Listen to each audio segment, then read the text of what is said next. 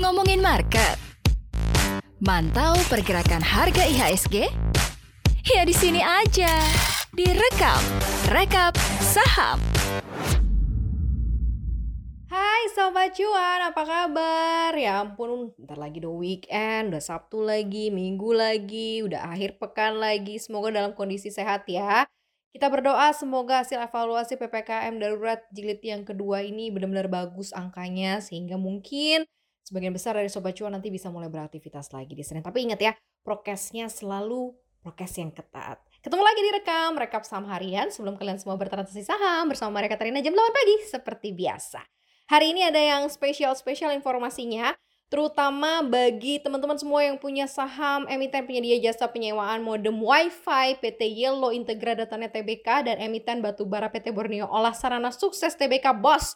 Kemarin jadi top gainers loh di paruh kedua perdagangan Kamis. Ini agak-agak beda ya sama saham-saham pengelola gerai kayak Hypermart, PT Matahari Putra Prima TBK, kemudian pemilik Matahari Department Store yang harus mendelep di top loser. IHSG kemarin juara deh ya, ditutup di 6137,54 di penutupan sesi kedua. Kurang lebih ada 333 saham yang terkerek dari penguatan ini.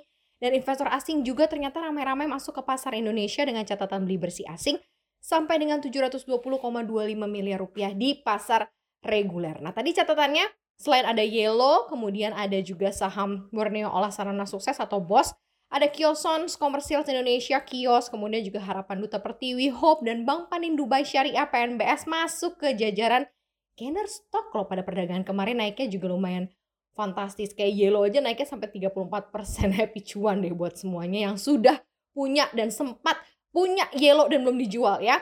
Kalau kita lihat sebenarnya Yellow ini sudah berada di pucuk klasemen dengan melejit 34% dan sudah menguatnya 4 hari berturut-turut. Jadi secara praktis teman-teman yang pegang dari awal uh, pekan ini sudah dapat cuannya. Nah kalau kita lihat selain Yellow ada BOS juga yang melesat 12,68% dan juga ada PT Alpha Energy Investama atau FIRE yang melejit 24% lebih. Nah, selain saham-saham yang melejit ini, ternyata pada 19 Juli 2021 harga si batu hitam juga sempat mencetak rekor tertinggi sejak 2008 ketika berada di posisi 153,7 US dollar per ton ya dalam sepekannya tuh naik 2,65 persen. Jadi ini batu bara cukup mengkerek beberapa saham ternyata di antaranya tadi tuh bos ya naiknya juga kencang.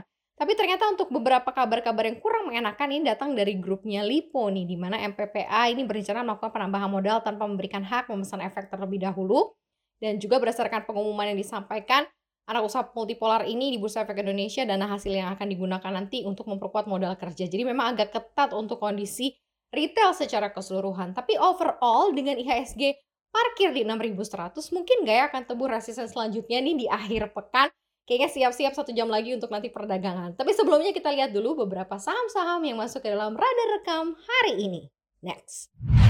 Kabar terbaru datang dari BCA emiten kapitalisasi pasar terbesar di Indonesia dalam konferensi pers virtual di Kamis, Presiden Direktur BCA Yahya Stiatmaja mengatakan bahwa performa BCA solid di semester 1 2021 meskipun di tengah kondisi COVID-19. Kreditnya tumbuh 0,8 persen secara year to date dan di segmen koperasi dan juga korporasi dan KPR masing-masing naik 2,1 dan 3,8 persen secara year to date. Sementara itu, Yahya juga mengatakan penyaluran kredit stabil di angka 593,6 triliun rupiah di Juni 2021, di mana segmen korporasi, kemudian KPR, kredit card, serta uh, kredit korporasi naiknya 1 persen, di mana KPR pun juga menyumbang kenaikan 2,9 persen menjadi 93,6 triliun rupiah, di mana pencapaian ini adalah hasil dari pelaksanaan BCA Expoversary, di mana sebagian besar dibukukan di kuartal kedua. Dan ini menjadi salah satu angin segar juga ya untuk perbankan. Saldo outstanding kartu kredit naik 4,5% secara year on year menjadi 14 triliun dan kredit komersial dan UKM juga mengalami koreksi 1% menjadi 182,8 triliun rupiah karena adanya perlambatan aktivitas bisnis kredit kendaraan bermotor yang turun 13,4% menjadi 36,8 triliun rupiah. DPK gimana? DPK tumbuh 17,5% dari Juni lalu ya dan ini juga diikut sertakan dengan rasio kecukupan modal atau CAR sebesar 25,3 persen, lebih tinggi dari ketentuan regulator atau loan to deposit ratio 62,4 persen. Dari tingkat non-performing loan atau tingkat kredit bermasalah ada di level 2,4% ini didukung ternyata oleh kebijakan relaksasi dan restrukturisasi. Nah, BCA kan selama ini menjadi salah satu saham yang nilai kapitalisasinya besar, menarik para pelatihan perhatian para pelaku pasar. Ternyata juga kalau dilihat dari kinerjanya cukup outstanding nih. Kira-kira sobat cuan tertarik atau enggak untuk punya BCA? Kita akan lihat dan pantau terus ya untuk perdagangan hari ini. Tapi kita bebasin loh buat teman-teman semua. Disclaimer on, bebasin sobat cuan. Next. Lagi heboh dan nunggu-nunggu Bukalapak nih ya. Meski sebagian pihak menilai valuasi Bukalapak mahal, penilaian ini ternyata tidak lantas membuat IPO e-commerce ini sepi peminat. Bahkan IPO Bukalapak, Bukalapak ini saat ini sudah lebih permintaan ya, oversubscribe. Bayangin dong kan rencananya nanti akan IPO di 850 rupiah per saham ya di batas kanan atau di overnya dan ditetapkan paling rendah 750 rupiah per saham. Tapi pada level harga pelaksanaan tersebut IPO Bukalapak sudah oversubscribe hingga empat kali. Dengan kata lain Bukalapak sudah meraup dana segar optimal hingga 21,9 triliun rupiah.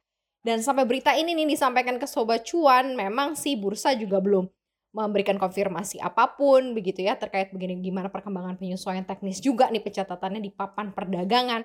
Tapi dalam perhelatan IPO Bukalapak yang akan melepas 25,76 miliar saham baru ini jumlah tersebut setara 25% dari modal ditempatkan dan disetor penuh setelah IPO. Dan sekitar 66% dana IPO nanti digunakan untuk modal kerja, sisanya ya untuk modal kerja sejumlah anak usaha Bukalapak sendiri ya. Dan secara rinci sekitar 15% ini diperuntukkan untuk PT Buka Mitra Indonesia sekitar 15%. IPO Bukalapak nih sebelumnya membuat investor terpecah ya, setidaknya menjadi dua golongan. Pertama golongan futuris, rela nih beli saham meski startup masih menuai rugi lantaran mempertimbangkan prospek dan kaum tradisional yang justru enggan membeli saham mahal dan juga masih rugi. Jadi ada dua kira-kira ya yang akan masuk atau enggak, masuk atau enggak gitu ya. Dari Managing Director uh, Silva Halim sendiri ini dari Mandiri Sekuritas menjelaskan bahwa startup terutama yang sudah berskala big tech udah nggak lagi bisa menggunakan valuasi konvensional. Jadi udah nggak bisa pakai IP, udah nggak bisa lagi pakai PBV gitu ya. Jadi semuanya adalah futures expectation. Selain Bukalapak nanti Sobat Cuan ya kan akan ngantri lagi beberapa e-commerce e-commerce, beberapa fintech fintech begitu ya financial technology dan beberapa perusahaan startup uh, unicorn yang akan lantai di Bursa Efek Indonesia. Kira-kira Sobat Cuan termasuk salah satu yang akan ngantri nggak sih nanti kalau bener-bener udah listing nih, Kalapak, GoTo, dan lain sebagainya. Nah, apakah cukup tertarik? Ada sayur box juga? Kayaknya patut dipertimbangkan ya sebagai gambaran futures expectation para milenial.